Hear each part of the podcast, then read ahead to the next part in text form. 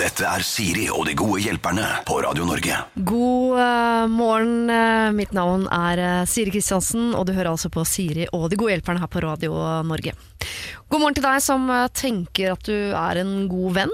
God morgen til deg som tenker at du kanskje har litt å gå på akkurat der. Og til deg som har tusen gode venner. Til deg som har to nære, og kanskje ekstra god morgen til deg som føler at du ikke har noen.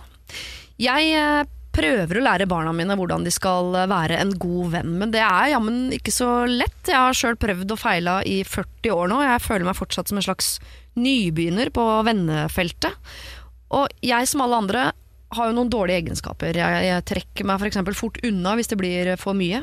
Jeg kan noen ganger gå altfor langt i å jage humoren i upassende situasjoner og sammenhenger. Jeg kan avlyse i siste liten, og jeg kan finne på å bli irritert hvis du tar med mat hjem til meg når jeg har invitert på middag. Altså sånne ting. Men vennskap er jo vanskelig, fordi vennskap skal visstnok være viktigere enn kjærligheten. Det skal vare hele livet, f.eks. Men når det skjærer seg med en venninne etter 15 år, så trenger man jo ikke å slå opp. Man kan bare fade det ut. Mens han eh, eller hun du har data siste par-tre ukene, der må du faktisk gå i brudd hvis ikke du vil mere. For noen er vennskap viktigere enn familie, for andre er eh, vennskap mer som en ny genser. Altså det er gøy med en gang, men med en gang du har brukt det litt, så vil du bare ha en ny.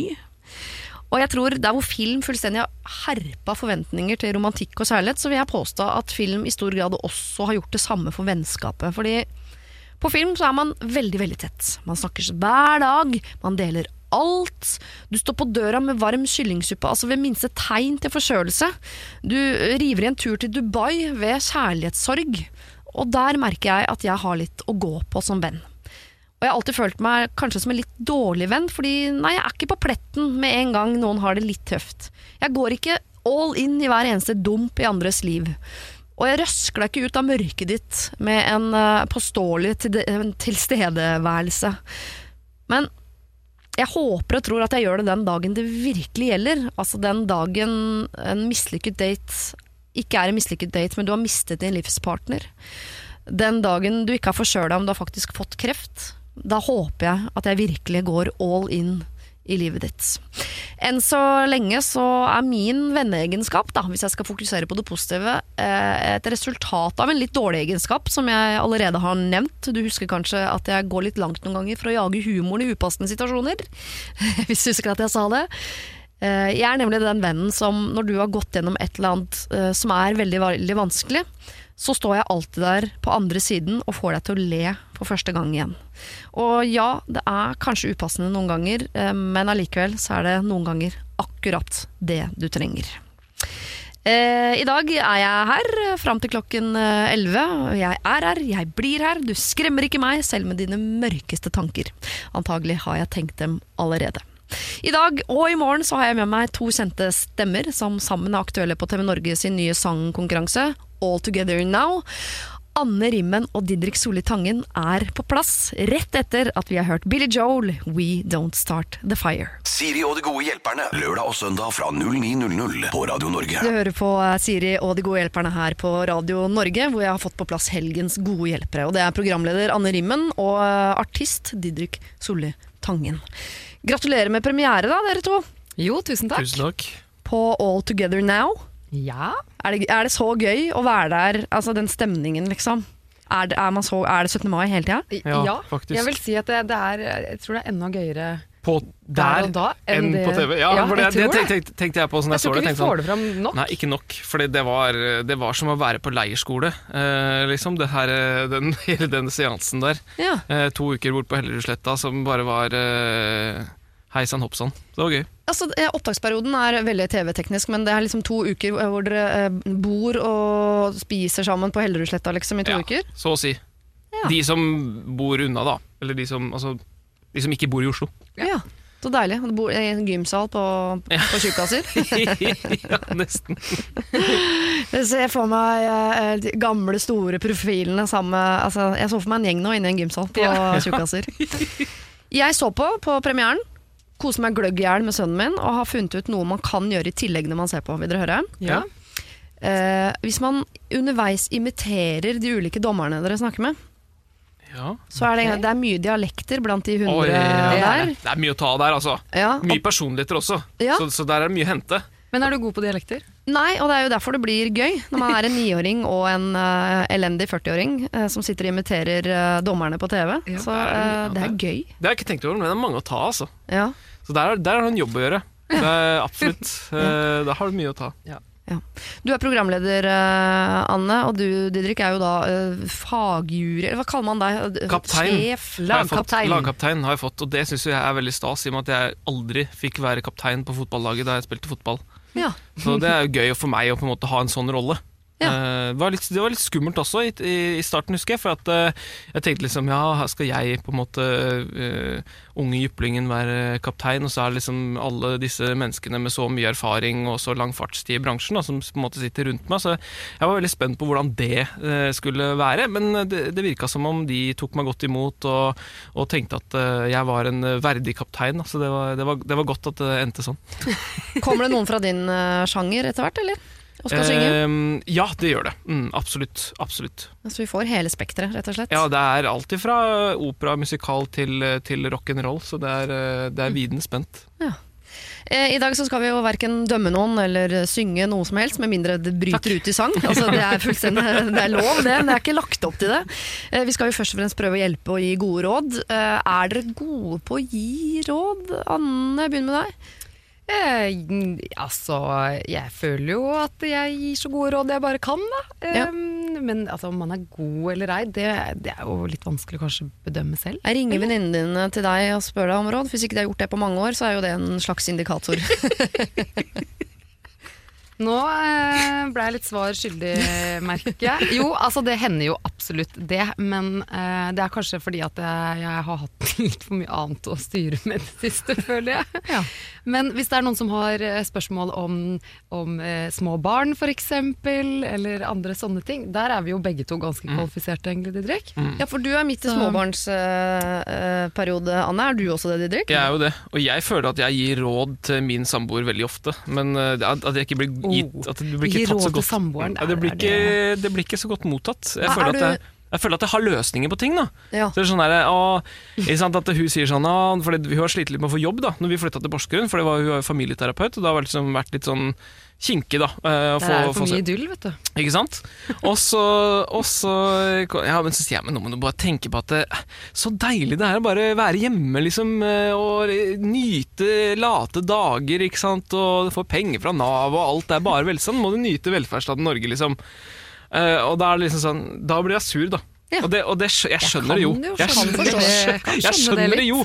For at, eh, sant, det er handler jo litt om det derre å føle seg nytte... Altså, altså man føler, seg nytteløs. Jeg tror dette er noe av grunnen til at vi er opptatt av at pappa, pappaer skal ta pappaperm. Det er Mm. ikke bare for at de skal bli kjent med barna og de tingene der, det er for at de skal slutte å stille spørsmålet. Altså, hva gjør du hele dagen, da? Sant? Og det, er, det jeg skjønt. Det er jeg skjønt. Så jeg, jeg, jeg, jeg forstår jo begge kanter, men det er liksom noe med bare, man må bare få sagt det noen ganger, kjenner jeg da. Ja. Men det er fint også, da vet vi eh, noe om liksom hvilken plattform dere står på. Dere har tydeligvis da eh, Er dere gift, eksempel? Altså ikke med hverandre, men med, med andre? Jo, det er hemmelig, så er vi gift. ja, Ja. Det var gøy. Visste at du skulle spørre om det. jeg er ikke gift. Ikke gift? Nei, jeg er ikke gift. Jeg har, jeg har, Har du bare fridd? spurt. Ja. Ja. Det var fri, Så, ja. men men, men, det, men det har liksom Det har kokt litt bort i grøten etter at jeg fikk en guttungen og sånn, så jeg vet ikke Men jeg tror det varer en viss tid, gjør det ikke det? Uh, ja. Forlovelsen, mener du? Ja. Ja, det kan vare Ja, så det er ikke lenge sånn det Det går, kan- den går vel ikke ut på dato, Nei, den gjør liksom? ikke det? Nei, det er bra. Godt. Deilig. Med mindre hun på en måte en dag sier Nå jeg, er jeg trekker tilbake svaret mitt. Nå, er vi ikke, nå vil jeg ikke være forlova lenger. Men den kunnskapen kan dere i hvert fall få bruk for, for jeg vet at vi skal hjelpe en i dag som okay. ønsker å fri, vet Oi, bare ikke oi. hvordan. Så Oi, oi, kan det komme spennende. godt uh, med. Uh, straks skal vi også ta tak i andre problemer her uh, hos meg, men eh, nå først får du Queen. Dette er We Are The Champions. Siri og de gode hjelperne. I Siri og de gode hjelperne i dag så har jeg med meg programleder Anne Rimmen og eh, artist Didrik Solli Tangen. Du er jo også programleder da, Didrik. Ja, vi prøver så godt jeg kan. Ja. Jeg syns dere er gode begge to. Takk like Masse godt uh, humør. Kos meg i hjel på tirsdag, da det altså var premiere på All Together Now. Men nå så skal vi uh, ta tak i Mugne Magda, som har sendt inn en mail til dette programmet. Hun skriver Hei, eh, Siri og de gode hjelperne. Kjæresten min er hjemmekjær type, og vi er ofte på besøk hos foreldrene hans. Problemet er at de har det så utrolig møkte, spesielt på kjøkkenet. Det er annet smuler, tørka saus, hvis det er saus da, i det hele tatt, døde fluer overalt eh, på kjøkkenbenken. Kjøleskapet er et nytt nivå av helvete, altså det ligger gulostskiver rett på kjøleskapsplata, sitronen har hår, ting som ikke skal dryppe drypper, og det som ikke skal være grønt er grønt. Så når vi da sitter rundt bordet, klarer ikke jeg å tenke på noe annet enn om denne salaten kanskje er fra før år 2000, og jeg leter nøye gjennom dressingen for å se etter klumper. Jeg har hørt at kjæresten min sier, flere, sier fra flere ganger, litt forsiktig eller hinting, men moren hans blir enten veldig fornærmet eller bare ler det vekk. Vi har vasket og ordnet kjøkkenet og kjøleskap tidligere, men det sklir rett tilbake i gammelt mønster. Og vi har også hinta ved å f.eks. kjøpe påleggsbokser, men til ingen nytte.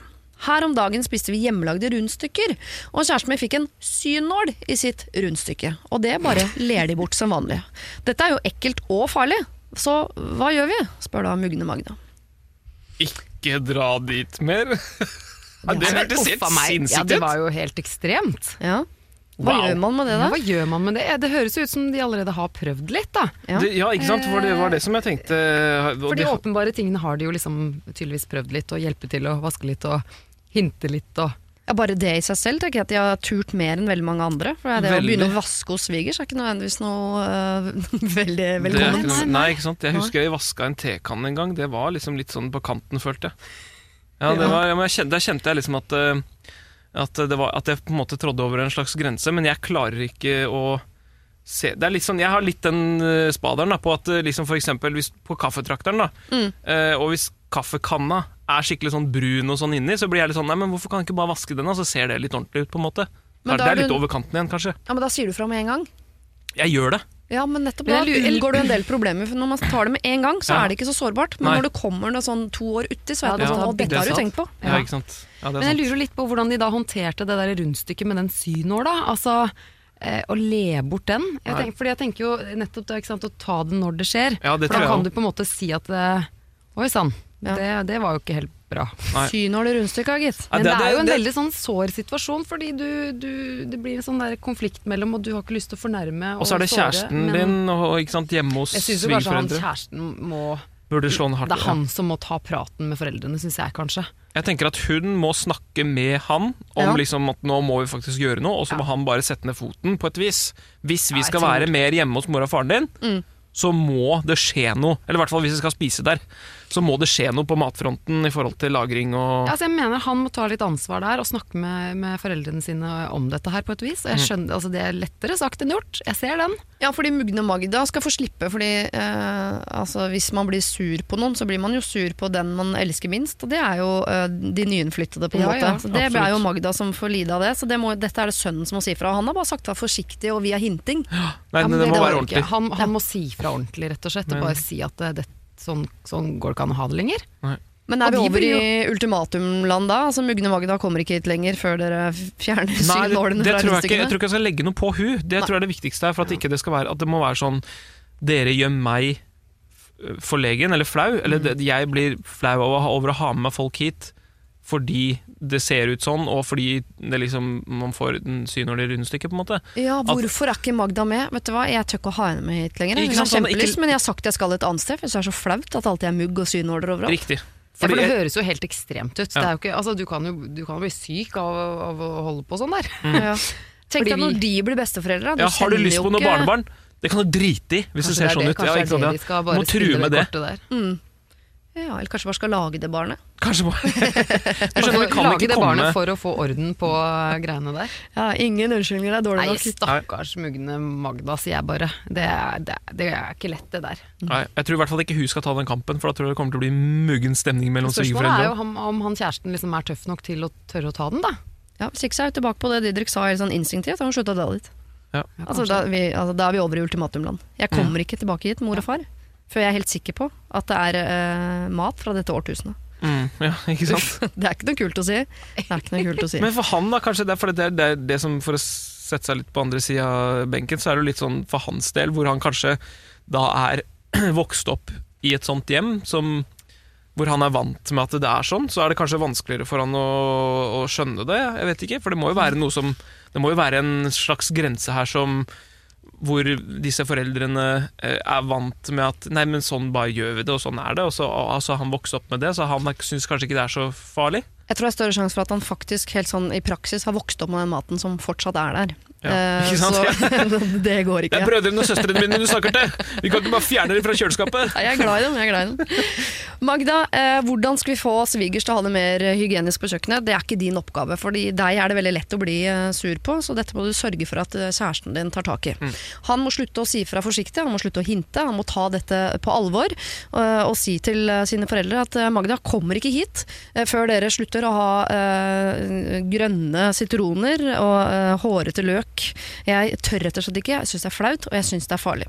Så dette problemet det skyver du over på kjæresten. Det er jo noe av det beste man kan gjøre, egentlig. Og så er du, eh, du personlig er jo da kvitt det. Siri og de gode hjelperne.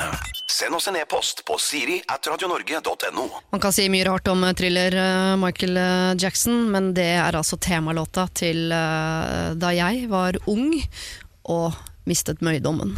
Det er min temalåt. Så vet jeg, får du nye bilder eh, Til til den låta? eh. Om ikke Det de zombiebildene var ille nok fra før, så har dere nå altså nye forferdelige bilder i hodene deres. Eh, Her hos meg, Siri, i dag så har jeg med meg to gode hjelpere som alltid. I dag er det artist og programleder Didrik Solli Tangen og programleder Anne Rimmen. Og eh, jeg sa jo for ikke så lenge siden at vi skulle eh, ta tak i et problem, eller egentlig eh, gå rett på løsning. Hvordan frir man til et annet menneske? Og du har jo gjort det allerede, Didrik. Så vidt jeg vet har ikke du uh, gjort det, Anne. Nei, det er korrekt. Det er korrekt. Malla har nemlig skrevet inn. Uh, her kommer det et problem jeg grubla på lenge. Jeg og kjæresten min har vært sammen i snart åtte år. Vi er begge 26 år og kommer fra samme sted. Pga. studier og jobb har vi hatt avstandsforhold siden vi møttes, hvor vi har byttet på å bo i Norge og utlandet. Men om to år skal vi endelig flytte sammen, og vi gleder oss. Det jeg lurer på er, har dere noen tips til hvordan jeg kan fri til denne drømmemannen? Har utrolig nok aldri hørt om en dame som har gjort det før, og syns det hadde vært utrolig kult. Burde jeg fri med ring, eller har dere forslag til andre kreative måter å gjøre det på? Vi er ikke religiøse, og som dere sikkert skjønner, så liker vi å utfordre tradisjoner. På forhånd takk for svar. Hilsen Malla. Hvordan skal Malla fri til sin kjæreste? Det er, det lov å spørre hvordan du fridde, Didrik? det er helt, helt lov. Jeg, jeg tok med meg Jeg tok mine beste venner med, Eller våre beste venner ned til Roma. Og så um, Uten at eh, kjæresten min visste det. Og så eh, har hun en sånn favorittbygning der nede som vi kaller for Bløtkaka. Det er egentlig ikke noe hus eller noen ting, det er bare et stort monument. Sånn hvit under den svære rundkjøringa der. Ja. Så er det en sånn stor hvor det står sånne hester og liksom, ja, og noen svære spyd. Og, og så, ja, og på toppen der da, så gjorde jeg det. da. Og så når vi kom ned, så satt alle og venta, da, så det var en sånn hyggelig greie. Men ja, Det er ganske storslagent, vil jeg si. Det er ikke noe sånn onsdagsopplegg. Nei, det, nei, det var det ikke. Og det, det følte jeg måtte til. Uh, for jeg, sånn, jeg liker jo at, å være litt sånn grandios og gjøre litt sånn ut, ting ut av det. da, Det gjør Ja. jeg. Um, så jeg, jeg tenker jo at det er en morsom, uh, morsom problemstilling vi har fått her med at uh, det er en dama som skal fri. Det er tøft. Det er kult. Jeg legger det noen retning? Nei, altså, altså, jeg skulle til si, jeg syns liksom? ikke det har så mye med saken å gjøre. Om Nei. det er gutten eller jenta. Nei. Men jeg synes jo det som er veldig fint med din historie, er jo at du eh, gjør det på et sted som betyr noe for henne. Ja. Ja. Og det tenker jeg også kanskje kan være noe hyggelig å ta med seg for Hva var det hun het? Malla? Eh, Malla. Ja. Eh, hvis de har eh, en eller annen opplevelse sammen, hvis de har altså, eh, Om det er et sted, om det er en situasjon, om det er en låt. ja. som er deres låt. Ja. Nei, altså noe som på en måte Da blir det jo litt hyggelig, og det trenger jo absolutt ikke å være så eh, voldsomt som å dra til Roma eller andre mm, steder langt unna. Nei. Men det fine er vel også å tenke et eller annet uh, At man ikke tenker så mye på uh, seg i frieriet. At man nettopp gjør Fordi uh, La oss si at eh, kjæresten til Malla er en sjenert fyr. Da er det ikke sikkert sånn i pausen på en basketkamp på storskjerm er veien Nei, å gå, liksom. Da må man ta det litt nedpå. Det, Det er bare noen veldig få som har lyst til å få det sånn, tror jeg. Ja.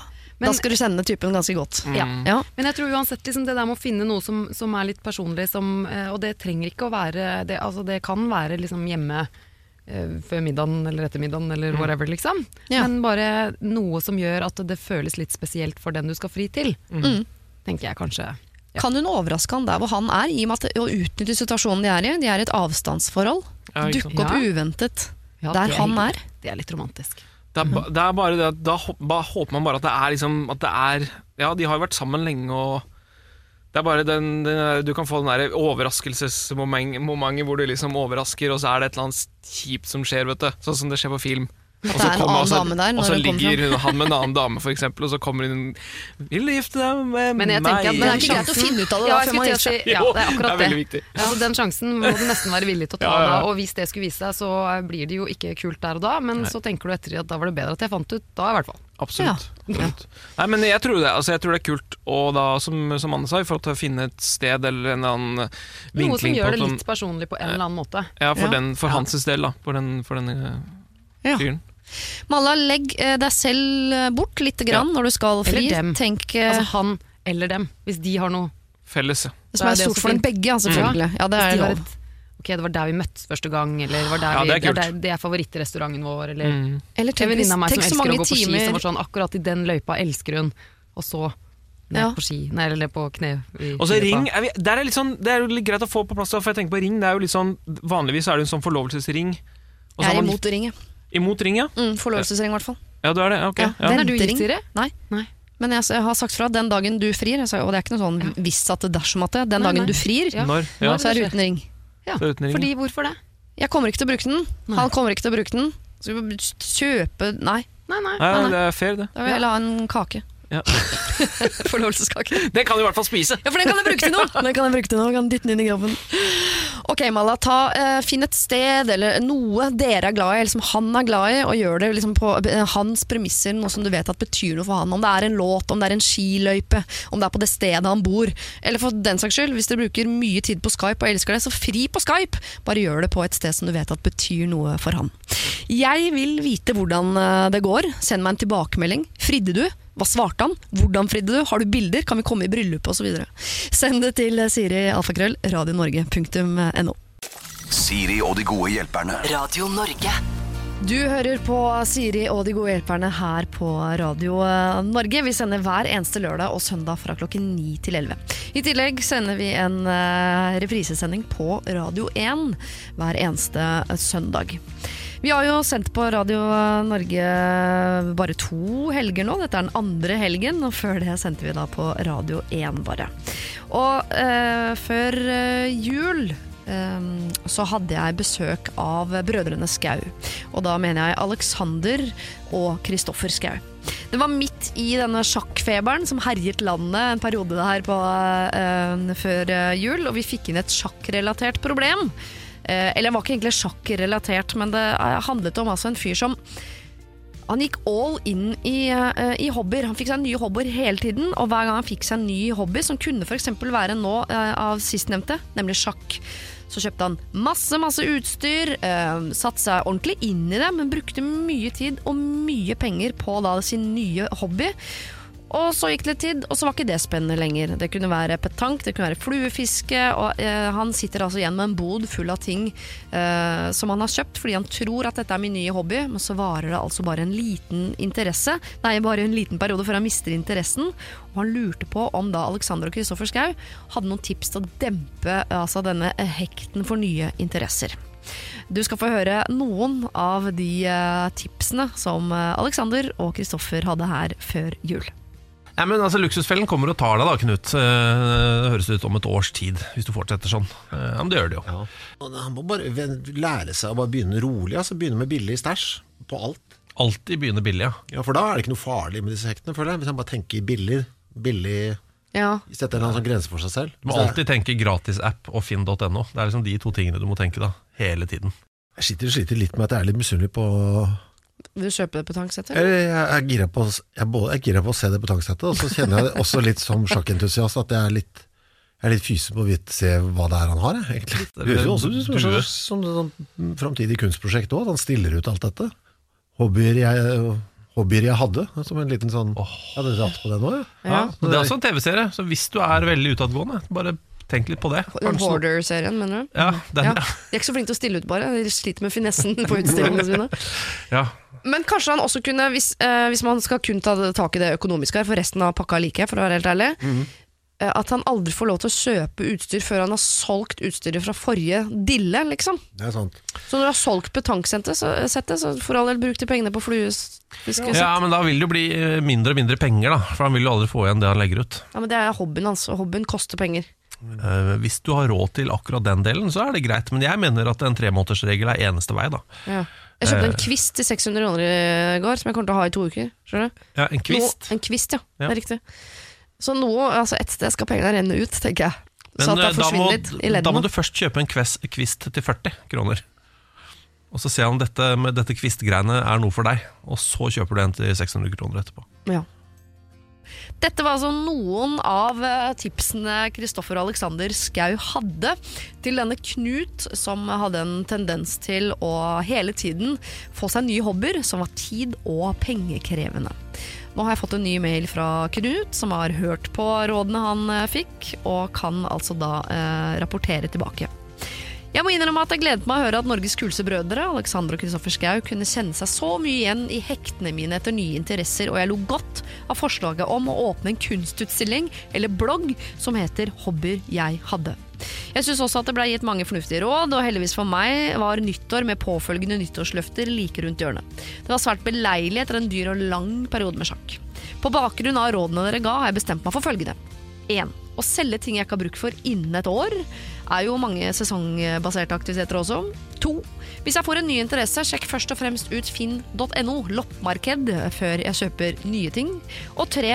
Noe må ut før noe, går- inn. Altså de dyre sjakkbrekkene må f.eks. vike eh, for årets dyre randonee-ski. Disse punktene skal forhåpentligvis hjelpe meg og lommeboka mi gjennom 2019. Og igjen, tusen takk for hjelp. Hilsen Knut, som går inn i en farlig skisesong med mange dyre fristelser. Altså, Jeg elsker å høre hvordan det går med dere. Jeg sitter jo her hver eneste helg og sier på en måte dette burde gjøre, dette burde ikke gjøre. Og noen ganger er vi spot on, andre ganger er vi helt på jordet.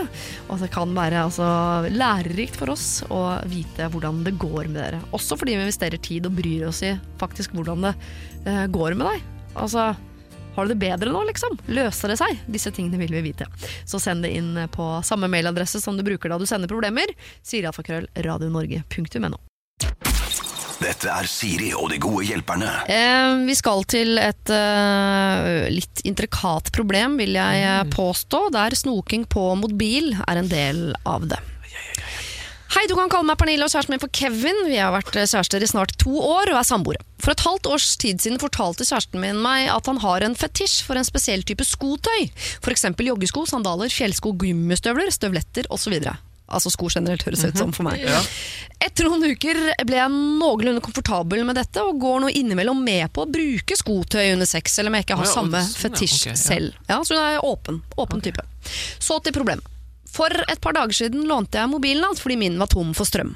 Jeg bladde gjennom Instagram, altså egen Instagram, da, VG opp og ned, og rota meg til slutt av ren kjedsomhet inn på bildene hans. Der fant jeg flere videoer av min venninne som min kjæreste har snikfilmet. På videoene så er det vi tre som sitter på kafé, og han filmer under bordet hennes ben med dette skotøyet på da, i forskjellige vinkler. Alle videoene varer i ca. 20 sekunder hver. Disse er filmet for ca. en uke siden. Er det ikke nok for kjæresten min å se meg i dette skotøyet? Eh, Jeg har ikke hatt lyst til å ha sexmann etter dette, eh, og er usikker på hvor lenge jeg klarer å holde meg før jeg eventuelt sier noe til han. Hjelp! Hva skal jeg gjøre? Vi kaller henne Kristine. Kristine er sammen med en fotfetisjmann. Pernille. Pernille ville hun at vi skulle Ja. kalle henne. Pernille Sa hun det? Pernille Hei, Kevin. Du kan, du kan kalle meg Pernille. Ja, det er hersketeknikk. Jeg kaller deg Kristine. Nei, ok, Pernille. Greit. Pernille. Hva gjør Pernille med kjæresten som har snikfilmet skoene til venninnen hennes? Nei, altså Punkt én er jo, tenker jeg, at uff, ikke drive og gå inn på bildene og sånt noe til kjæresten din sin mobil. Det, er- uff, det er bare dumt, egentlig. Men Ja, det skriver hun. Det er allerede skaden er gjort. Ja, nå har jeg kunnskapen. Ja. Hva gjør jeg med den? Ja, ja, jeg, skjønner, jeg skjønner det. Altså ehm, Kom Nei, det er vanskelig. Nei, men Eh, altså- Jo, men altså, hva er altså, Fordi det som er eh, Det som, er, det som kanskje vi vil til bunns i her, er om dette er noe Altså om det er noe seksuelt med hun venninna, da. Det er jo Ja, men jeg har ikke helt ja, skjønt greia. Liksom, er det en helt spesiell type sko? Ja, ok.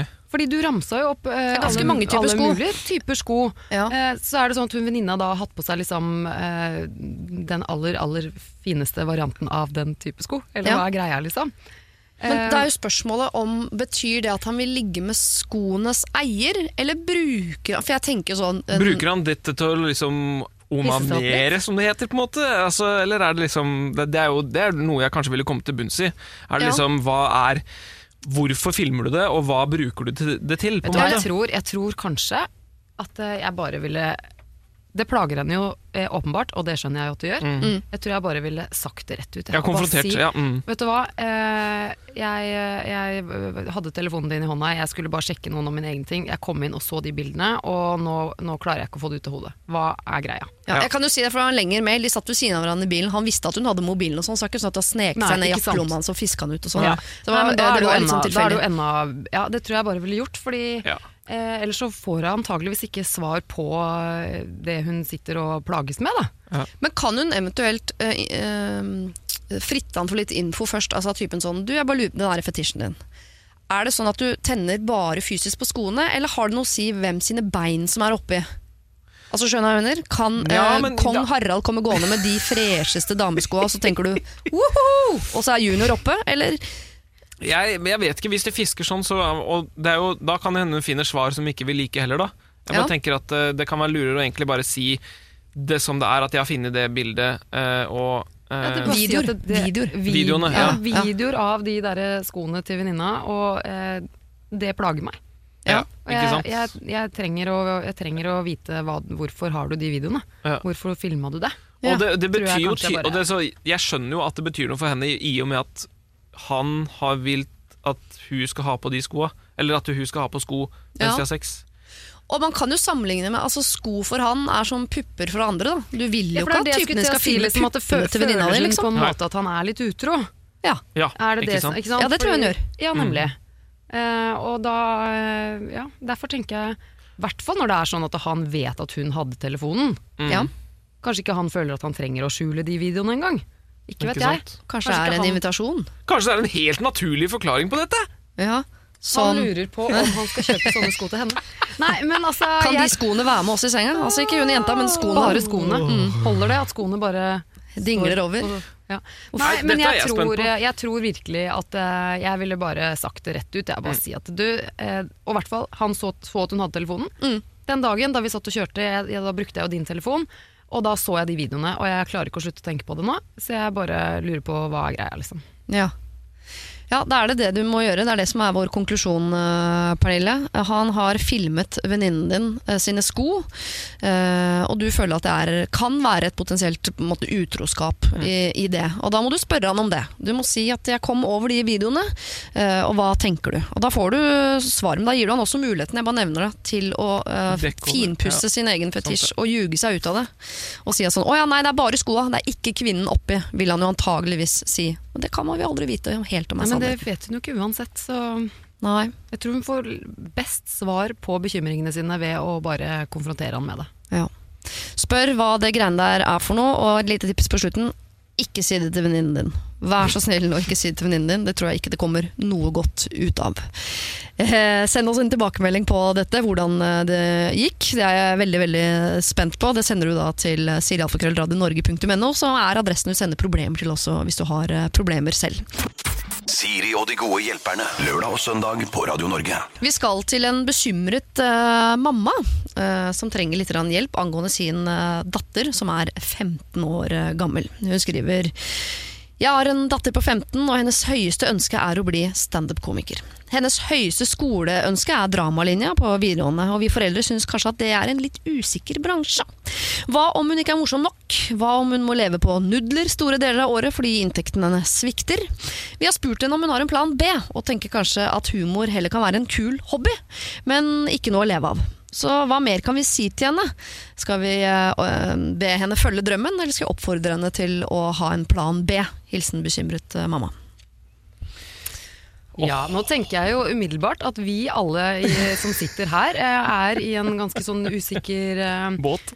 Ja, men vi Ja. har jo sikkert valgt litt sånn yrkesveier som foreldre innimellom tenker åh, oh, litt skummelt og ikke så trygt og alt det der. Absolutt. Og det Men, eh, var, det var et helt tilfelle. Det hadde hadde akkurat samme tilfelle hos, med mammaen og pappaen din, Ja, mm. eh, som sa også at eh, det var liksom er du sikker på at du gjør Altså Det er på en måte Det er jo ingen som kan, Du kan ikke leve av musikk, liksom, og det er jo ikke sant? Det er jo bare, det er bare tull, liksom.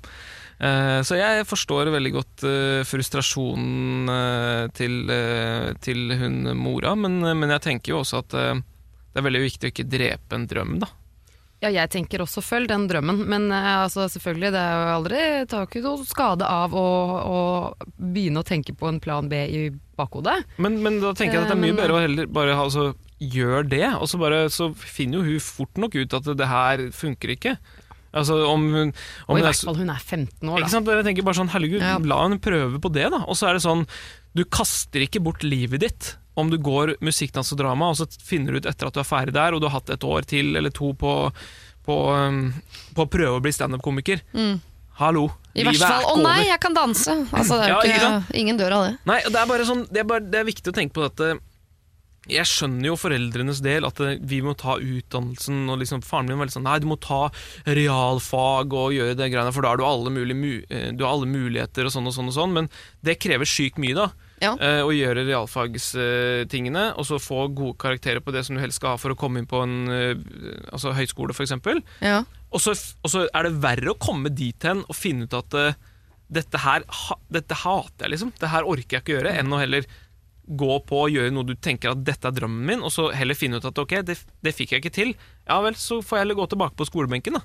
Tenk om hun ikke er morsom nok. Nei vel, så begynner hun på juss, da. Tenk hvis hun ikke er smart nok, da. Eller begynner på elektrolinjen elektrolinja. Ja. Tenk hvis hun ikke er eh, flink nok til det. Hun Du veit jo aldri hva hun er eh, god Nei, nei. i. Hun trenger jo ikke å bli best heller. Det er veldig mange som, som får det til uten å være best. Ja, som, le, ja, som, lever, som lever av det. Og jeg, tenker sånn, jeg tror det er veldig viktig å, å få fram at eh, det er veldig mange i Norge som lever av musikk som ikke heter Astrid Smeplass eller Julie Bergan. Ja. Eh, og da er det, det er veldig mange som også komikere Takket være dere i disse dager. Ja, men så altså- ja, men altså, også komikere som lever av det, som, som ikke heter eh, Ja, nå kommer jeg ikke på det, Dagfinn Lyngbø. Ja, Dagfinn Lyngbø, eller Ja. Atle Pettersen. Nei, Atle Pettersen, ja. Atle Antonsen, for eksempel. Eller, altså, skjønner du? Det er på en måte Det er mange det er mange navn som veldig er kjente for folk, og vi tenker at det er bare de plassene. Men det er utrolig mange som jobber og lever av eh, standup som ikke Jeg tror vi blir er, fet av bare, meg. vi, er egentlig, vi er jo alle helt enige. Ja. Ja. Altså Hun må Treng- få lov til å følge drømmen sin. Og så Absolutt. får hun uh, enten så blir det tipp topp, eller så kanskje hun må gjøre litt eh, flere ting. Mm. Eller kanskje hun kommer til å droppe det helt. Kanskje ikke hun syns det er så veldig kult lenger når hun er noen år eldre. Hvem vet. Men i Støtt utgangspunktet henne! Ja, for jeg Det er det tenker Hun skal jo inn i en bransje hvor, og det kan vel alle her skrive under på, at man møter nok motgang. Så du trenger ikke å begynne med motgang allerede på hjemmebane. Nei. Dere burde bare heie, heie, heie. Hei, hei, og er hei, hun ikke hei. morsom, så får hun beskjed om det fort nok fra Yes. et publikum som er større enn deg. Uh, og da, Det er ikke alle som slutter da heller, altså. men uh, de fleste, i hvert fall jenter, slutter med standup når de skjønner at ikke det er morsom eh, nok. Ja. Og det er ikke for seint med plan B. Du Nei. kan begynne på juss når du er eh, 30, for den Ja, saks ja, ja. skyld. Og det er ingen i Norge som ikke overlever. Støtt oppunder. Ja. Og vær gode. Det er det viktigste. Ja. Din oppgave som mor er ikke å lage en plan B, din oppgave som mor er jo å heie. Mm. og dette er ikke en helt sånn hårreisende, håpløs plan. Nei, heller. det er Liksom. ikke Det, det. Det er ikke ikke sånn at hun setter seg ned og sier sånn 'Jeg skal bli første kvinne på månen'. That's it. Det er det Det eneste er det eneste jeg vil Liksom. Dette er et helt normalt yrke som flere og flere eh, driver med. Ja. Og det er eh, masse muligheter for mange, selv om ikke alle er eh, Dagfinn Lyngbø eller Astrid Smeplass. Så bekymret mamma, du må slutte å Eller du kommer ikke til å slutte å være bekymret, men du må i tillegg begynne å heie på datteren din og håpe at hun er nettopp morsom nok. Siri og de gode hjelperne. Du hører på Siri og De gode hjelperne på Radio Norge. Og De gode hjelperne denne helgen er altså artist og programleder Didrik Solli Tangen og programleder Anne Rimmen. Hei igjen! Hei, hei! Eh, I går så hjalp vi mugne Magda, som var fortvilt over møk møkkete svigers. Malla, som eh, ville fri. Eh, Pernille, som hadde fersket eh, kjæresten i å filme skoene til venninnen for å, å nære sin egen fetisj. Og eh, da en bekymret mor som eh, lurte på om ikke datteren som ønsket å bli standup-komiker, burde ha en plan B. Det er det jo mange komikere som burde ha, for å være helt ærlig. Bare et kollegialt lite tips der, altså. Dette kunne dere høre på radio i går, eller laste ned som podkast. I dag skal vi ta nye eh, problemer som vi skal hive oss over straks. Men eh, først så tenkte jeg vi skulle ta tak i et eh, fiktivt valg eller dilemma i livet, bare for å varme opp eh, det moralske senteret. Eh, hvis dere måtte velge Didrik og eh, Anne, kan velge hver for dere, så må ikke være enige her. Aldri mer se TV, eller aldri mer være på TV. Oi! Kjør debatt! Kjør debatt. jeg tror faktisk eh, Fordi altså vi, hva jeg er mest avhengig av, da mener jeg sånn se TV sånn lineært, eller kan man da se på Netflix og sånn? Nei, nei, det er juks. Det er, er er, da er det radio og en god bok derfra ut. Nei, det, er, det er jo ikke så veldig vanskelig, egentlig. Fi- eh, Film liksom også? Å, det har jeg ikke tatt stilling til. Jeg fjerner film, jeg. Du fjerner film òg? Nei, aldri mer være på TV. Selvsagt ut med den. Vi Er det så ikke- selvsagt? Ja. ja, men jeg Det er jo ikke ikke sånn vi må være på TV. Det er ikke sånn vi må se på TV heller nødvendigvis, men eh, jeg har forhåpentligvis såpass mange år igjen av livet mitt at eh, Du kan finne på noe annet. aldri, aldri skulle se noe som helst form for TV. Ja. Nei, det hørtes stusslig ut. Ja, det er sant, det, altså. Ja, det er, nei, jeg, det, er, det er noe med det. Du sier noe der. Men sånn akkurat nå, da, synes, akkurat i dette øyeblikk, liksom, syns det er morsommere å se på TV enn å være på TV. Og tenker jeg ikke den der å være på TV blir sett, men det å lage TV vil jeg jo eh, tro at dere syns er gøy, begge to. Ja, det Ja. er selvfølgelig et godt poeng, og jeg ble spurt bare for noen dager siden om eh, hva jeg var avhengig av å se på TV, og da var det egentlig ingenting. Nei. Nei. Mens jeg har det jo veldig, veldig gøy med å lage morsom TV. Så um, Nei, men ikke gjør det så vanskelig, da. Altså aldri, du er helt på aldri mer eh, lage TV, eh, hvis du må velge mellom de to. Er du enig, Didrik? Jeg, altså, jeg ville gjerne bedt om litt betenkningstid. At jeg Ja. kunne fått en uke eller to for å bestemme. det er ikke sånn at det blir sånn nå. Ja, det er ikke det, for bare, det kan gå troll i jordet, vet du. Ja, det er sant. Neida, jeg, jeg tror jeg slenger meg på øh, aldri mer Altså og, Du har jo det minste en ganske bra karriere ved siden av. Ja. Eh, Ja, For du har jo en plan B der som Jeg har jo det, artist. sangmessig. Jeg Ja. har det. Så, så, så, så, sånn sett så kan jeg jo da kanskje- måtte jeg i tilfelle gått i opplæring hos Didrik, sånn Mm. jeg kunne vært eh, sånn backup eh, Vokalist, eller sånn. Ja. Eller Didrik. konferansier hos meg Ja. på konsertene mine. ja, for har du noen plan B, Anne? Altså, Nei, jeg har jo ikke det. Mm, Hva skulle du bli når du ble stor, liksom? Før du ble stor? Nei, Det spørs jo hvor eh, langt tilbake i tid vi skal gå. Um, mamma har jo fortalt meg da jeg var ganske liten at jeg uh, en gang sa eh, 'tenk så gøy det er å være taxisjåfør'. Ja. Og så var det så mamma litt sånn 'ja, hva mener du, hvorfor det?' Nei, fordi tenk så hyggelig å møte så mange nye mennesker hver dag. Ja. Ehm, så første reaksjonen var litt sånn «Eh, mm, 'ja vel, hvorfor det?' Og så når det var begrunnelsen, så syntes hun jo egentlig at det var litt eh, søtt på et vis. Ja. Um, ja. Jeg tror det er mange der ute også som ville satt pris på hvis jeg først tok taxi, at det var du som satt foran. For Det er ikke sikkert det, for jeg er ikke sikkert jeg hadde funnet fram så bra, men GPS, vet du. GPS. Ja, ikke sant, det er det. Ja. Ok, Så dere velger altså det å uh, ha muligheten til å uh, se på TV i fremtiden, og øh, jobbmessig gå over til en eventuell plan B. Ja. Radio Norge. Vi skal ta søndagens øh, første problem, og det er innsendt fra en som øh, gjerne vil kalles for øh, Hilde. Hun er en jente som straks går inn i 30-årene. Hun har vært gift og hele den pakka der. Men nå har hun fått en ny jobb og blitt kjent med sin nye sjef. Litt for godt kjent med han. Først var det for moro skyld, han øh, var jo gift og virket virkte å være fornøyd med det. Jeg prøvde hele tiden å være, øh, å være klar for meg selv på at dette er kun for gøy, men så kom det noen følelser. Og det er det som er så rart, for jeg har aldri følt det sånn med noen før. Altså, alt vann, absolutt alt han gjør er sjarmerende. Selv om han noen ganger er en drittsekk, når det kommer til jobb osv., så, videre, så står jeg der og jeg hører meg selv forsvare han. Eh, Det skal sies at vi jobber ikke sammen så tett, så jeg ser han ikke så ofte. Han har skilt seg og flyttet til samme by som meg nå. Og han har spurt noen ganger og nevnt om vi kanskje skulle finne på noe, men han er veldig opptatt også, så det blir ikke til at vi gjennomfører det. Jeg har overnatta hos han et par ganger etter at han flyttet, og jeg har vært der for å se film. Problemet nå er at han vet ikke at jeg er forelsket, og jeg vet ikke hvor jeg har han. Han kan virke litt interessert når vi er på privaten, men han gir meg ikke noe spesifikt. Uh, og jeg vet at han gjerne vil utforske ting nå som han er singel. Men hvordan skal jeg gå fram? Hva skal jeg si? Burde jeg si noe i det hele tatt? Jeg aner ikke hvor jeg har han. Hilsen forelsket jente. Kall meg Hilde. Og eh, Det kan hende dere glemte dette mens jeg leste mailen, men det, også, det er sjefen hennes. ikke sant? Ja. Hadde dette bare vært en fyr, så hadde det sa du ikke innledningsvis At hun var gift? Ja, Jeg har vært. Så han hun har har vært gift. vært, Han har hun vært gift. er ikke det. Begge er single. Oh, ingen ja, av ja, dem er oh, Nei, det er egentlig bare å oi, kjøre på, bortsett fra det der med at han er sjefen. Han er sjefen, Ja, han ja. er sjefen. Så det er, problemet er, spiller jo ingen rolle med gamle ekser, verken her eller der. Nei. Sånn sett. De Men det er begge levde liv på begge sider. Ja. Ja. Ja, nei, det er, altså, jeg hadde bare altså, jeg tenker, det er, jeg, jeg husker da jeg traff min bedre halvdel, så var jeg veldig sånn åpen på at uh, jeg gidder ikke noe sånn spill og noe sånn Altså at uh, liksom, vi skal prøve å ikke svare på meldinger innen to timer, eller det er noen sånne regler. Eller, er ikke sant, to dager. To ja, to, to dager er det, ja. Sant? Ja. Men sant, det greiene der, jeg bare sa det gidder jeg ikke. Nei. Så hvis du er interessert, så er du interessert, og jeg eh, kan være keen, liksom. Og så bare liksom få det ut der. Og det var veldig deilig, for det var bare sånn ok, så fint. Hvor Da- tidlig sa du dette? Altså, Nei, det var med en gang. Jeg bare sånn, når vi møttes første date, liksom. Ja. Uh, og sa liksom at uh, For jeg var ganske Jeg var liksom med en gang ganske sikker på at eh, hun var liksom Kvinne i ditt liv. kvinnen i mitt liv. ja. Ja. Så Men det er jo altså problemstillingen her er jo først og fremst kanskje, Sjefen, som jeg forstår, ja. at det er sjefen. Ja. Og Og, det hadde vært er enda verre hvis det var han som spurte. Så jeg jeg forresten ansatt, for der er det noen retningslinjer. Så Ja. for henne så er det jo et potensielt Men det er tapt jo- ansikt jeg blir jo litt sånn nysgjerrig på liksom, Ja. altså, hva, slags, uh, altså, hva slags jobb er det? Er det noe sånn ja, Aner ikke. eh, hvordan, hvordan kan det bli problematisk, hvis du skjønner hva jeg mener? Eh, for Men det du er jo- sier jo også at det er ikke så mye de ser til hverandre på jobben. Nei.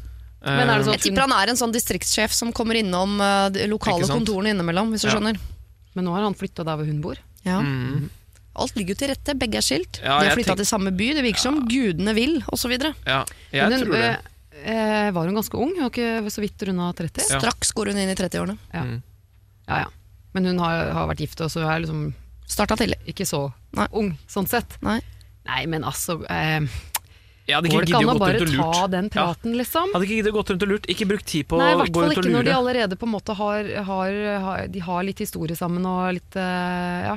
Jeg, Ja. jeg tror det ligger noe der, fordi at eh, han, hun har jo sovet hos han, og det er jo litt sånn Han er sikkert usikker på det hele, han også, og Ja, ja. nettopp fordi at han har en sjefsrolle og alt det der. Og så har, de- og så har de vært klare, sikkert innenfor seg sjøl, om at nei, vi har det bare gøy, og vi skal bare, vi skal bare leke. Mm. Eh, og, da eh, og da kan det hende at han også føler det på samme måte, og så må man bare Det er greit å få den, den ballen ut av lufta, på en måte. Det er, det er litt sånn ubehagelig å ha noe som svever, selv om det kan være deilig å, å ligge der og liksom ikke helt vite om det er noe fra den andre sida, men så er det litt deilig å bare få svar på det også. Det, det spørs litt hvordan, hvordan hun føler at livet hennes går. da Ja. Det spørs, men det spørs også litt hva som på en måte eh, Vil det få noen konsekvenser eh, i jobben hennes, da?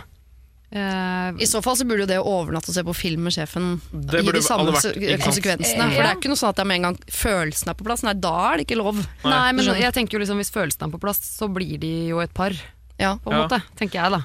Ja, det er noen arbeidsplasser som ikke liker det, Ja, ikke men eh, jeg tror ikke det er lov å, å ha regler mot Men det. Uh, sånn som jeg forsto det, så er hun Hun er jo forelska i han. Ja, liker alt vann, selv Ja. om han er drittsekk. Ikke sant? Mm. Da er hun jo veldig forelska i han. Ja. Så jeg tenker at, Og da blir man jo litt sånn usikker og fnisete og tullete og alt mulig rart. Ja, Um, men de har jo på en måte allerede det er jo, Han liker jo henne også. absolutt. Eh, om han er like forelska, det vet vi jo ikke helt. Men eh, det er nok bedre, selv om det er både kleint og skummelt, så ville jeg bare prøvd å bare ja, ta den praten. Ta den praten og Det bare verste hun kan få, er at han sier 'sorry, jeg har bare lyst til å fortsette å tulle litt og Surre leke litt'. Ja. Og så må du ta en Eh, avgjørelse på det. For det, det, det, verste, det verste er hvis han ender opp som, en, eh, som hun der i The Holiday, som er ulykkelig forelska i han sjefen der.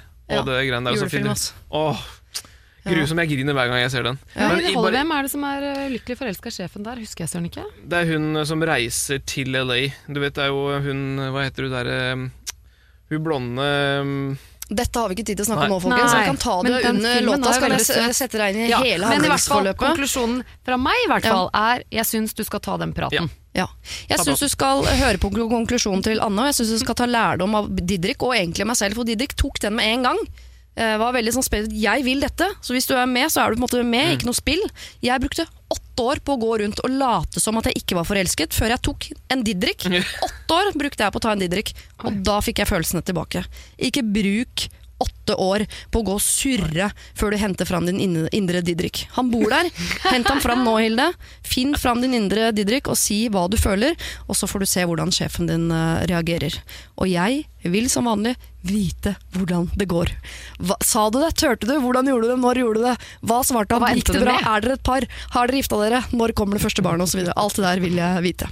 Jeg vil også ha problemene til eh, alle dere andre, så send de inn til sirialfakrøll radionorge.no.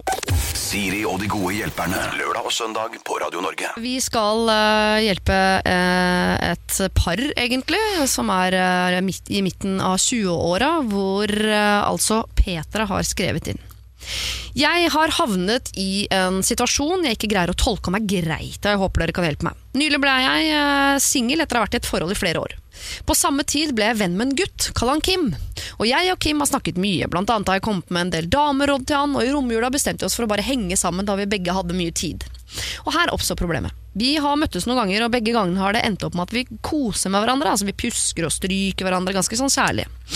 Men det skjedde noe rart siste gangen. Vi koste og pjuska før han plutselig ble kald. Etter hvert får jeg beskjed om at han skal få besøk av en annen dame, og han mener at jeg burde dra hjem. Er det greit å pjuske og kose på meg, for å deretter kaste meg ut sånn at han kan få et booty call av en annen dame? Hvordan skal jeg tolke det? Og hva vil han egentlig med meg? Hjelp! Vennligst hilsen eh, Petra. Eh, ja, her må dere begynne, for her tenker jeg mye rart. Så uh, Anne Didrik, hva, uh, er det greit?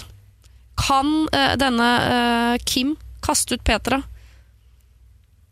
for å få inn en annen dame? For ti år siden så hadde jeg sikkert sagt ja, men nå kjenner jeg at det ikke er greit. Hvorfor er ikke det greit? Nei, jeg synes at, altså Selvfølgelig, De har jo ikke noen forpliktelser overfor hverandre sånn i forhold til at ikke de er sammen. Eh, det sier hun jo, ikke sant? At Ja, nei, for Det var mitt oppfølgingsspørsmål. Hva ligger av forpliktelser i pjusking? Da er jeg sammen med mange. ja, ikke sant? Ja. Nei, jeg føler jo at det Altså, På et vis så er man jo litt på vei et eller annet sted, kanskje. Ja. Altså at man føler at man er på vei til noe. Men samtidig så, så, så er det jo Jeg vet ikke, om noe- du nevnte du noe alder? ja, de er midt i 20-åra, begge to. Ja, så er man jo kommet såpass langt at, eh, at man kan si ifra om man liker noe eller ikke. Ja. Eh, og at de da på en måte at eh, hvis han, hvis, Så lenge han er ærlig på hva som skjer, så tenker jeg det, han, han, er, han er jo fair når han sier 'jeg får besøk av noen andre'. Mm. Um, altså, vi, vi er, Det er hyggelig, og vi koser oss sammen, men nå skal jeg få besøk av noen andre. Så tenker jeg Så lenge han er, han er ærlig på det, så er det ålreit. uh, men jeg vet ikke. det er liksom det, Jeg tror han burde gå inn med det ganske tidlig. da Altså Han burde på en måte Hvis han, hvis, han, hvis en driver og på en måte har flere ri på flere hester, Ja. og du er ærlig med det, Ja. så, så tenker jeg da er, da er det fair. Men så lenge, hvis det er hemmelighetskremmeri, da er det ikke greit. Men er det å pjuske hverandre, Anne? Er det Men å ri en hest? altså, hva innebærer det, da? Hva betyr det å kose og pjuske, liksom, tenker jeg litt. Fordi det handler jo veldig mye om liksom, å definere hva, hva er ja, så er de venner? spørsmål rundt det, men de pjusking venner, og eller er de litt eh, på vei til å bli noe mer enn venner? Eh, eller skal de bare fortsette å være venner, men å pjuske litt? Eh, Jeg, jeg skjønner ikke, jeg, jeg, har aldri, altså, jeg har aldri brukt uttrykket å pjuske litt. Så jeg vet ikke, Er det bare å liksom Jeg syns det høres ut som vi pjusker og stryker på hverandre ganske kjærlig, legger hun jo også til, men det kan jo være hennes følelse av det. For jeg tenker at Hadde det vært en venninne av henne Venninner sitter og pjusker, og, ikke sant? men fordi det er en gutt, Mm. Ja, også en venn bare, men fordi det er en gutt, så legges det noe mer i Men det den er det som er sånn klassisk, det derre vennskap, eh, altså typisk mellom, mellom eh, i hvert fall ja, her da, gutt og jente som er hetero, liksom. Ja. Eh, så er det veldig sånn klassisk, syns jeg, at den ene tenker at dette er vennskap og dette er hyggelig, og så Mm. blir det på et eller annet tidspunkt veldig typisk Ja. følelser Ja. fra den ene. Det er ikke Og da blir det veldig mye usikkerhet og eh, alt det der. Så det er jo Det er lett, alltid lettere sagt enn gjort, men det er jo liksom bare det å definere det for hverandre. Ta den praten, finne ut hva, hva er det vi egentlig er for hverandre. Og det er jo helt tydelig at hun har litt følelser for han, Ja. siden hun blir litt lei seg eller fornærma eller hva det er, Ja. over at det kommer en annen enn ditt. Ja, og det er igjen tilbake til eh, forrige Forrige, eh, forrige Problemstilling? problemstilling hvor det er på en måte bare få det ut der. Eh, Ja. altså, dette bare eh, få, få sagt det. Altså, bare få det ut. Eh, Ja. Si hva du føler. Eh, det er veldig greit og veldig enkelt eh, å forholde seg til. Fordi med en gang, i hvert fall jeg som gutt, da, kan si det at det, det å forholde seg til eh, tanker og følelser hos en annen person, eh, det er veldig vanskelig. Ja. Eh, Så i det momentet man faktisk sier at hei du, jeg føler at vi har noe på gang, og at det vi gjør nå er liksom noe spesielt, hva tenker du? Altså, det, er veldig, det er veldig enkelt å si det, egentlig. Ja. Det er jo, ja, det er enklere sagt enn gjort, syns jeg ofte. Nå har jeg heldigvis eh, Nå er det veldig mange år siden jeg har vært i en sånn problemstilling. Heldigvis. Men eh, eh, det er jo veldig fort at man blir litt sånn usikker, og i det, hva skjer da? I det øyeblikket man sier at du, jeg begynner faktisk å få litt følelser for deg, jeg ser på deg som noe mer enn venn. Hvis Altså- den andre ikke har det på den Ja, så er det du redd for å miste det du Ja, har. så jeg skjønner jo liksom at man Ja. blir litt sånn usikker på hele greia, men eh, Jeg føler jo litt eh, at hun sier det ganske rett ut, egentlig. At de er egentlig venner, men så har det blitt noe mer. I hvert fall fra hennes side. Ja. Det kan jo godt hende at han Jeg syns bare det eh, høres ut som Peter han nærmest ikke ble klar over følelsene sine før denne andre dama ble nevnt. Ja, kanskje det. Ikke sant? Og det kan nok hende at han også har noen følelser som han ikke er klar over overfor Petra. Det er veldig udefinert hva de er, men jeg, derfor synes jeg det er litt sånn prematurt å gå rett i sånn Hva er dette for noe? For jeg tror ikke noen av dem egentlig vet hva dette er for noe. Nei, men jeg tror jo Hva er dette? Men jeg, jeg tror jo uansett, sånn som du sier da, at hun, hun, hun har jo litt følelser for han. Ja, Fordi ellers så hadde det jo ikke vært et problem at det kom en annen dame dit. nei men kanskje skal si det. Vet du hva? Når det kom en annen dame til deg forrige gang, jeg merka at det stakk litt. Det Jeg, stakk jeg litt. vet ikke hva det er. Nei, det, og det, det kan være en veldig fin inngang. og det er så enkelt å si, er det ikke det? Jo, det, akkurat det er jo litt greit, Ja, det da, at da det er det handler det ikke nødvendigvis om å definere sånn Nei. veldig, Nei. men å bare si at eh, ja, Kanskje hun ble overraska over seg selv om så. Jeg vet ikke. Nei. At det var jeg, I hvert fall situasjonen med at det kom en annen dame, gjorde jo at hun ble eh, usikker på det hele. Og viktig å ikke stille til veggs Altså ikke stille han til veggs for det, fordi han har jo vært ærlig og sagt det. Og tenker jeg sånn at det, er på en måte, det, det jeg reagerte på, det, ikke at det er noe gærent i det du har gjort, men jeg bare kjenner at det, jeg reagerer på det. Ja. Uh, hva tenker du, liksom? Det er for tidlig å stille noen Ja. til veggs. Jeg tror ikke jeg engang ville sagt setningen 'ikke det at', for da mener man det alltid litt allikevel. For det er en grunn til at man sier det. Men bare, jeg ville gått rett på akkurat den følelsen du fikk når han sa han fikk besøk av en annen dame. Og ikke gjøre det større eller mer mystisk eller mer forpliktende enn det. For det er ingen her som vet hva dette er for noe. Verken du, han, Didrik, Anne, jeg. Ingen som egentlig vet hva dette er for noe. Så bare beskriv den følelsen du fikk da det stakk litt fordi han skulle få besøk av en annen dame. Send oss en tilbakemelding på hvordan eh, dette går. Hva sa han når du sa dette? Uh, har dukket opp noen følelser hos han også? Er dere fortsatt venner? Og i det hele tatt, send det til uh, sirialfakrøll.radionorge.no. Siri og de gode hjelperne. Vi har gitt, eh, om jeg får si det selv, eh, mange gode råd i dag, og flere skal det gis. Men innimellom så syns jeg det kan være fint å høre noen generelle råd fra folk som har eh, peiling på et eller annet. Jeg eh, ringer rundt og snakker med folk jeg syns har noe vettug de eh, kan eh, melde. Og denne uken har jeg altså valgt å ringe til eh, hele Norges helsesøster, Helsesista. Hun har eh, fraktet sin virksomhet inn på sosiale medier og er en kjemperessurs for eh, unge mennesker som eh, lurer på ting om sin egen eh, helse. Hvis Helsesista kunne samle hele Norge i en, ja, la oss si en gymsal, da. Hva hadde hun hatt lyst til å formidle? Hva er det hun vil si dersom hun får alles oppmerksomhet? Jeg ringte henne og hørte, og her er det hun mener. Mitt råd i dag det er å velge hvem du vil at andre skal huske deg for. Og det kan du godt gjøre hver eneste dag du våkner. Så tenker du på hvordan er det å møte med, både ansikt til ansikt og eh, på nettet f.eks. Sosiale medier. Hvordan du påvirker andre eh, i møte med dem. Og det viktigste er kanskje å smile med øynene og velge å være god mot andre. For da får du det godt inni deg sjøl, altså. Helsesista ber deg altså om å smile med øynene, blant annet eh, her. Vi skal få høre flere gode råd fra Helsesista utover eh, våren på Radio Norge. Eh, Men nå skal vi altså tilbake til deg. Til deg og dine problemer. Og det er Anne Rimmen og Didrik Solli Tangen som skal hjelpe deg fram mot klokken eh, 11. Siri og de gode hjelperne. Send oss en e-post på siri at radionorge.no. Vi skal til et um, problem som uh, Hanna Dette er et navn jeg har funnet på. Selv kaller hun seg utakknemlig datter 23 og har problemer med sin far.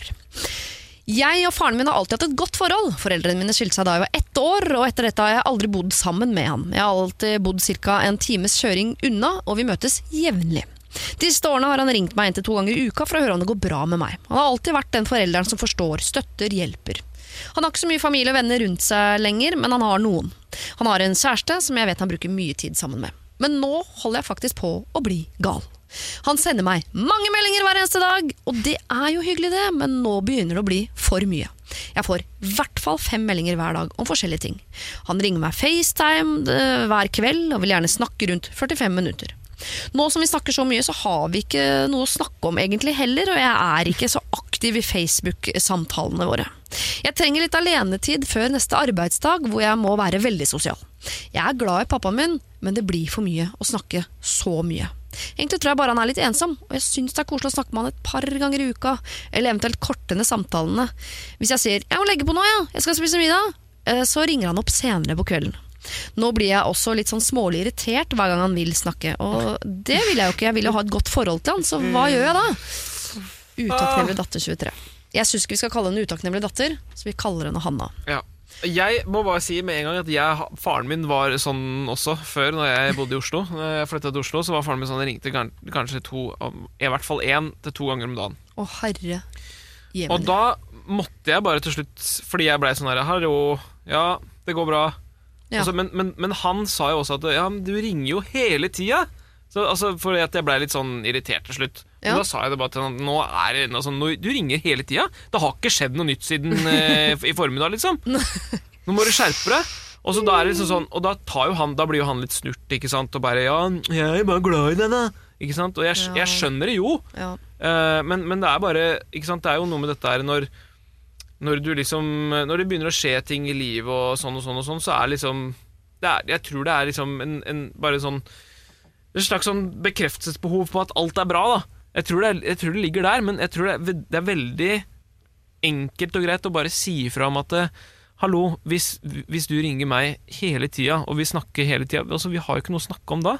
Jeg, jeg, ikke sant? Altså, det, jeg Jeg har ikke kjent deg i mer enn bare noen timer, Didrik, men det står ganske tydelig for meg at du er en fyr som uh, ikke har problemer med å bare si fra om ting ganske tidlig. Det er utrolig befriende opplegg. Jo, men jeg, jeg, altså jeg er jo egentlig en ganske konfliktsky person også, så, det, så ting som på en måte kan Høres ikke sånn ut. gi konflikter, er Jo, men der er jeg liksom kan Jo, men Du havner jo ikke i konflikt, for du sier jo fra om ting før det blir problematisk. Ja, det kan hende jeg gjør.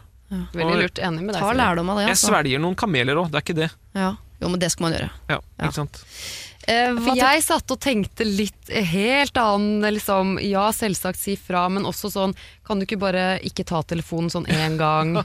Sånn at du på en måte hinter på den måten. Ja, men trenger ikke å ta, Det er jo noen ganger du er busy. Telefonen min har ringt mens jeg sitter her nå, jeg har ikke tatt den, liksom. jeg tar aldri telefonen. da. Nei, men det er noe med det at du, du kanskje da også sender et signal om at eh, jeg har ikke tid til å prate hele tiden.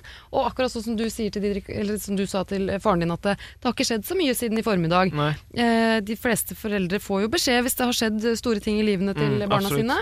Eh, og Hanna sier sikkert også ifra til eh, faren sin da, hvis det er ting som må fortelles om. Men, Men så er det jo den litt såre greia også, tenker jeg da. Hun skriver at jeg lurer på om han er litt, som litt ensom og sånn. Ja. Så blir man jo litt sånn trist, selvfølgelig. At, og stakkars, han, han trenger den uh, greia. Men, Det er ikke barns oppgave ass, å Nei, bære det på sine skuldre. men hun skrev jo at han hadde en kjæreste. ja. Kan Ring hun, da. Kan han, Ja, ring hun litt oftere. Ja. ja, for jeg tenker også Det er veldig fint at uh, Hanna kjenner på, uh, på dette, men jeg syns jo at hun skal si fra. At hun skal sette pris på at hun har et så godt forhold til faren sin. Det er misunnelsesverdig i seg selv. Ja. Men hun må si fra før det blir noe, sånn at hun slutter å ta telefonen. At hun blir irritert når han ringer. Fordi Ja. da går et godt forhold over til å bli et forhold som blir mer og mer kaldt. Fordi hun blir irritert over ting som egentlig er velmenende. Mm. Det må hun jo stoppe mens, mens det leken er heller ikke så uvanlig at man blir litt irritert på foreldrene sine. Da. Det, jeg Nei, tror det er ganske vanlig egentlig, at man Ja. blir litt sånn åh. Ja. Fordi det er noen, de du kanskje har nærmest, på en måte. Jeg vet ikke om ett menneske i hele verden som jeg har lyst til å snakke med 45 minutter på telefon hver eneste dag. Altså, ikke, jeg tror ikke Hvis jeg var i avstandsforhold med mannen i mitt liv altså, Det er for mye. Det blir for mye. Jeg er helt enig. Det er samme som, eh, ja, men samme som når jeg er på Jeg har vært på turné på, um, på juleturné. Ja. Har jo vært det nå de siste seks åra, liksom, og det er på en måte sånn Det er begrensa hvor mye du kan snakke med når jeg snakker med Angelica. Da. Det er bare sånn Ja, det er hyggelig. Hei, det går fint. Vi har ikke gjort noe spesielt uh, siden i går. eh, eh, så, så Glade det- jul, satt som en kule i dag. ja, det, ja det, det går fint, liksom. Vi er der og der. Så bare sånn, ja, men uh, Og så er det liksom ikke noen sånne spesielle spørsmål heller. Så tenker jeg sånn, ok, nei, men da snakkes vi bare i morgen, da. Ja, har du ikke lyst til å prate med meg, eller? Jo, men herregud. Det Ja. handler jo ikke om det. Det handler om at vi har ikke noe spesielt å prate om. Har du noe spesielt du skal si? Så, så det, jeg skjønner det litt på samme måte, da. Ja, ja. Dette med å på en måte bare korte ned ting og være litt effektiv. For jeg er en sånn type som tar telefonen uansett hvem som ringer. Ofte. Ja. B- broren min han har den egenskapen som kanskje du er litt flinkere på, å ikke ta telefonen. Jeg tar hvis det er ukjent nummer, for jeg er så nysgjerrig. Jeg, Hvis det er folk jeg vet hvem er, så tar jeg den stort sett ikke. Og jeg er litt, mot, jeg er litt motsatt. Hvis det er ukjent nummer, så blir jeg alltid så skeptisk. Ja, det er jeg også. Jeg er også Og veldig så, ikke det. Å, nei, hvem er det? Og, nei, gidder Skal stort sett selge fisk eller Ja, altså, ja, ja, det er et eller annet. Ja. Men, um... Men altså, Hanna, jeg syns ikke hun skal føle seg utakknemlig. Jeg syns hun skal fortsette med den gode kontakten hun har med faren sin, men uh, si fra på en eller annen Du trenger ikke å si det så at Det er bare å si liksom at du uh, Det at du ringer så mye, det, det, er, det er veldig hyggelig, men for meg så er det litt sånn Det holder med en kjapp prat, på en måte. Vi Ja. trenger ikke å prate i 45 minutter, eller Altså det, Ja, Og ikke si det sånn litt småirritert hver gang hun ringer. de samtalene, Nei. tenker jeg også da. Hvis du først, eh, altså hun sier at liksom samtalen opp mot eh, 45 minutter. Eh, det er jo to om den samtalen, så vi må jo kunne klare å prøve å runde av litt før. Ja, men da ringer han opp igjen, vet du. Ja, det er det. Ja, det var det, da. Ja. Ja. Nei, Jeg tror jeg ville heller si prøvd å liksom runde av og si sånn, vet du hva, si det du sier til oss. Vet du hva, jeg er eh, litt, hod, Som jeg sier til barna mine noen ganger, ma, hodet til mamma er fullt nå. Mm. Det er ikke plass noe mer, verken gode eller dårlige historier akkurat nå. Ja. Jeg, ma, jeg trenger pause, og det kan du si til pappa din. Jeg trenger en pause. Mm. Jeg har vært kjempesosial hele dagen, skal være kjempesosial i morgen. Kan vi, eh, kan vi snakkes på onsdag? Det gleder jeg meg til. Mm. Aktig. Uten å bli for sånn uh, ovenfra og ned, som jeg hørte. Da kan Det vi snakke i en time! Ja, shit, det er Ikke bare mener det. Her er det altså uh, igjen en som må hente sin indre Didrik og uh, bare si det direkte til sin far på en hyggelig måte, fullt av kjærlighet. Men bestemt. Men bestemt, og gjerne med forslag om ny dato, da du gleder deg til å snakke med han igjen. Dette er Siri og de gode hjelperne på Radio Norge. Em, nå skal vi altså inn i et problem som jeg antar at ingen andre av oss i dette rommet har opplevd. I så fall vil jeg, VG og Se og Hør gjerne vite om det. Kjære Siri og de gode hjelperne, hjelp! Da det ble slutt med ekskjæresten min for noen måneder siden pga. utroskap, begynte jeg å ligge rundt fordi jeg kunne og hadde behov for bekreftelse. Det har gått helt fint fram til nå, men nå har jeg fått et lite problem. Jeg tror jeg er gravid. Jeg har ingen planer om å beholde dette eventuelt eh, barnet, men jeg er midt i studier, jeg er ikke klar for det. Problemet er at jeg aner ikke hvem faren kan være. Det er tre potensielle fedre, regnet ut fra siste periode. Hva skal jeg gjøre hvis jeg faktisk er gravid? Skal jeg si fra til alle tre? Skal jeg droppe å si noe til noen? Jeg har begynt å drive eh, på jeg, Altså, jeg holder på med en av dem. Så jeg føler at uansett han bør vite dette. Eh, men jeg er eh, redd for at dette potensielle barnet kan være en av de andre sitt. PS, jeg har brukt prevensjon, men jeg har maks uflaks. Altså skal til legen på mandag for å dobbeltsjekke om jeg faktisk er gravid. Kall meg hva du vil, sier hun, og jeg har valgt Susanne. Em, Susanne her er La oss bare eh, si at hun er gravid. Det er tre potensielle fedre. Hun dater den ene. Hvem skal vite hva? Let the games begin. Altså, jeg tenker jo punkt én, da, Selv om du nå antar at hun er gravid, så tenker jeg punkt én må jo være til å, å finne ut om hun faktisk er gravid. Ja. Og det tror jeg, må du ikke dra til legen for å finne ut. Det fins andre metoder å finne ut det hjemme hos deg selv. Ja. Det er punkt én. Og hvis vi da eh, antar at den graviditetstesten er positiv, så kommer vi jo til eh, problemets eh, kjerne her, selvsagt. Ja. Og hva Hun, hvis hun hadde bestemt seg for å ikke beholde barnet Ja. ja. Da har hun utelukket ja, at far, potensielle far har noe han skulle ha sagt i dette. Ikke sant? Og det skal ikke vi henge oss opp i. Nei, og For da, den muligheten har hun. ja, ikke sant? Men da tenker jeg jo at hva er, hva er det egentlig å gjøre da, på en måte, hvis, hvis, hvis hun har bestemt seg for at hun ikke skal beholde For jeg tenker sånn Hvis hun hadde vært usikker på om hun skulle beholde barnet, så tenker jeg at da har hun jo en, et dilemma med de tre som hun eventuelt skal forhøre og teste og opplegge med. Da er jo en stor oppgave. Mm. Men hvis hun nå har bestemt seg for at nei, dette kommer ikke til å bli noe av, jeg skal ikke beholde det, Mm. er det så stort Ja, det er på en måte å invitere en part inn til en debatt hvor du allerede har bestemt utfallet. Eller altså, ja, ikke sant? ja, for det er jeg tenker Hun har jo allerede bestemt seg på at hun ikke skal beholde barnet. Altså, Ja. Hvis hun er helt 100% sikker på at hun ikke skal beholde det barnet, så syns jeg ikke hun skal fortelle det til noen. nei, det synes ikke jeg heller. Hvis hun er, Altså ikke, I hvert fall ingen av de der tre. Hun kan, bør jo kanskje snakke med noen om det, for det kan sikkert være en eh, liksom slitsom greie. fordi det men, kommer til å være en eh, påkjenning for den personen hun forteller det til også. tenker jeg. ja, Altså, i hvert den- fall i og med at hun ikke vet hvem av dem det er. Ja. Så kan hun da gå og fortelle det til de tre det kanskje er. Du forresten, eh, hende, ja. jeg ble gravid med deg, men jeg har fjerna eller skal fjerne det. Og tenk altså, deg hvis point? hans største drøm er å bli far, Ja, jeg uansett hvem moren er, om de er sammen altså, Jeg vet det. Så Jeg det er, tenker at eh, Hvis hun er helt helt sikker på at ikke hun vil ha det barnet, så, så er, ser jeg ikke noen grunn til å skulle snakke med de der potensielle fedrene om det. Nei. Men hva med han hun er på dealeren med, da? Hvis det er hans? Ja, Men det syns jeg ikke spiller noen rolle, egentlig. Hvis hun er Hvis hun helt sikker på at hun seg, ja. vil, ikke vil ha det barnet. Derimot, hvis hun har vurdert å beholde, Jeg så er tenker jo ting hadde vært litt annerledes hvis det var sånn at hun var i et forhold, Ja. hun ble gravid med kjæresten sin, altså at hun visste hvem som var faren, og så var hun sånn shit, jeg er gravid, men jeg har egentlig ikke lyst til å beholde det barnet. Så syns jeg da, Dilemmaet er større. Mm. ja, men da syns jeg hun bør snakke Ja. med kjæresten sin om det. Ja. Men i dette tilfellet så er det sånn Så hun må skynde seg før de blir kjærester. Nei, men, men greiene er jo det at Det kan være eh, han andre, da. Ja, ja, men Eller poenget er jo at hun skriver vel at hun ikke vil ha barnet. Ja, hun gjør det. Ja, og da er det jo litt sånn at ehm, vil, vil det gjøre noe forskjell da om det er han hun driver og dater som er faren? Nei, det eneste jeg tenker på er at hvis det blir de, og det blir de på sikt Det er som om du da, Didrik, nå plutselig fikk vite at kjæresten din sa sånn Vi kunne jo egentlig ha to barn, vi Didrik, men Ja. fjerna det første. jeg. Ja, Nå, liksom. Ja. Da hadde jeg blitt, eh, da hadde jeg blitt skuffa. Kanskje litt lei meg fordi han ikke hadde blitt inkludert i avgjørelsen. Ja. Det hadde jeg. Så akkurat Ja. Så, så, så, så sånn sett så er det jo Der er det jo noe, da. Men, eh, men det er jo Første steg hadde jo vært å finne Altså første steg som Vanne sier, er jo å finne ut er du gravid. Mm. Steg nummer to, hvis du tenker på å beholde det, er jo å finne ut hvem det er. Fordi det er jo Men det er jo klart, Hvis det er noe som helst tvil om hun skal beholde det barnet, Mm. så blir det jo en helt annen greie, syns jeg. ja, helt Fordi at eh, da, da må hun jo finne ut eh, mye mer. Både eh, skal hun beholde det, hvem er eventuelt faren. Hvis det er en av disse som hun ikke har noe mer med å gjøre, vil hun da da øh, kanskje hun potensielt øh, må oppdra det barnet alene. Altså, Hva er tenker han? Kanskje han er religiøs, og det er øh, synd med abort Men hans kan, altså, kan du ikke snevre inn dette er ganske greit ved å, hvis du finner Hvis du altså- har rulla over tre stykker i løpet av en helg på afterski i Hemsedal, så, det skjer. ikke. Da er det vanskelig. ikke. Det er sant. Ja. Men jeg tenker på hvis det hadde vært liksom tre helger, for eksempel. Da, så men, jo men, klart men det, poenget kanskje. er jo uansett at eh, vil det gjøre noe forskjell om hun finner ut hvem som er faren, hvis hun egentlig har bestemt seg for at hun ikke skal beholde det barnet? Nei, det- det er jeg helt enig. i. Så det er jo litt sånn, og selvfølgelig så er problemstillingen der som du sier at eh, ok, hvis det er han fyren som hun nå driver og dater litt, og det ender opp med å bli dem, Mm. bla bla som du sier da. Men jeg tenker likevel tilbake igjen til hele tiden hvis hun egentlig har bestemt seg for at hun ikke vil beholde det barnet. Så Erna Solberg blir selvfølgelig veldig skuffa, Ja, men ja. altså Skuffer nasjonen Norge. Ja. Så, ja.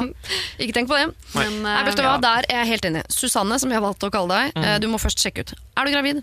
Er du gravid, så må du bli enig med deg selv. Er du 100 sikker på at du ikke skal beholde barnet? Hvis så, så skal du ikke involvere noen av disse mennene. Og blir det deg og denne mannen, og du i etterkant klarer å regne deg fram til at det er denne mannen jeg er sammen med nå, som kunne vært far til det barnet, så syns jeg du på et eller annet tidspunkt kanskje skal fortelle han det. Men der er jeg også usikker. Det er mulig å sende inn en ny mail på det. Så skal ta en, ja, skal ta en ny runde Men uansett, punkt én, ta kjøp en eh, graviditetstest, du. Gjør det. Ja. Gå på uh, Kiwi, Rema, det som måtte være din lokale sjappe. Kjøp en graviditetstest, uh, så er du nærmere en løsning allerede der. Jeg garanterer en overraskelse. Uansett hvilket utfall du får. Ja, det er to eller én strek. Ja, Vil være en overraskelse. En lettelse, overraskelse, skuffelse osv. Eh, send oss en tilbakemelding på dette. Jeg vil vite hvordan det eh, gikk. Hva gjorde du til slutt? Fant du ut av noe som helst? Dette er jo et slags mysterium som jeg ønsker flere brikker eh, i. Så bare send det til sirialfakrøllradionorge.no. Siri og de gode hjelperne. Og nå har vi altså kommet dit at dagens gode hjelpere, som er Anne Rimmen og Didrik Solitangen, skal uh, atter en gang få lov til å dele ut to handlenett. I går valgte dere å sende et handlenett til mugne Magda, som uh, syntes at svigerforeldrene hadde så utrolig ekkelt, møkkete og muggent på kjøkkenet sitt. Uh, og til Pernille, som hadde fersket typen i å filme skoa til venninna for å nøre opp under sin egen fetisj. I dag kan vi altså velge mellom eh, Hilde, som er forelska i sjefen sin, eh, Susanne, som er gravid, men hun aner ikke hvem som er faren. Hanna, som er glad i faren sin, men han trenger vel ikke å ringe hver dag. Og Petra, som føler seg lurt av sin guttevenn, som oppfører seg kjæresteaktig, men også holder på med andre damer. Hvem banker hjertet litt ekstra for? Hvem trenger et handlenett? Det var vanskeligere da, syns jeg. Ja, Mm. enig. Det var ikke så åpenbart. ehm, Nei, nei, hva skal vi si da? det er lov å sende ett felles handlenett også. Eller sende ah, Det har jeg ikke tatt stilling til om det er lov, om det er lov å sende til alle. Kommer litt an på dagsformen. Det hende, kan hende jeg slumper til. Ja, hva skal vi si? Hilde er altså forelska sjefen. Susanne er gravid. Hanna er glad i faren sin. Kanskje Hilde som Petra er føler forelska i sjefen. Tenk hvis det viser seg nå at hun følger vårt råd og, og på en måte spør litt rett ut hva som skjer, og så ender det med at det ikke blir noe, så sitter hun med kjærlighetssorg. Da kan det Har være fint med det handlenett. handlenettet. Ja.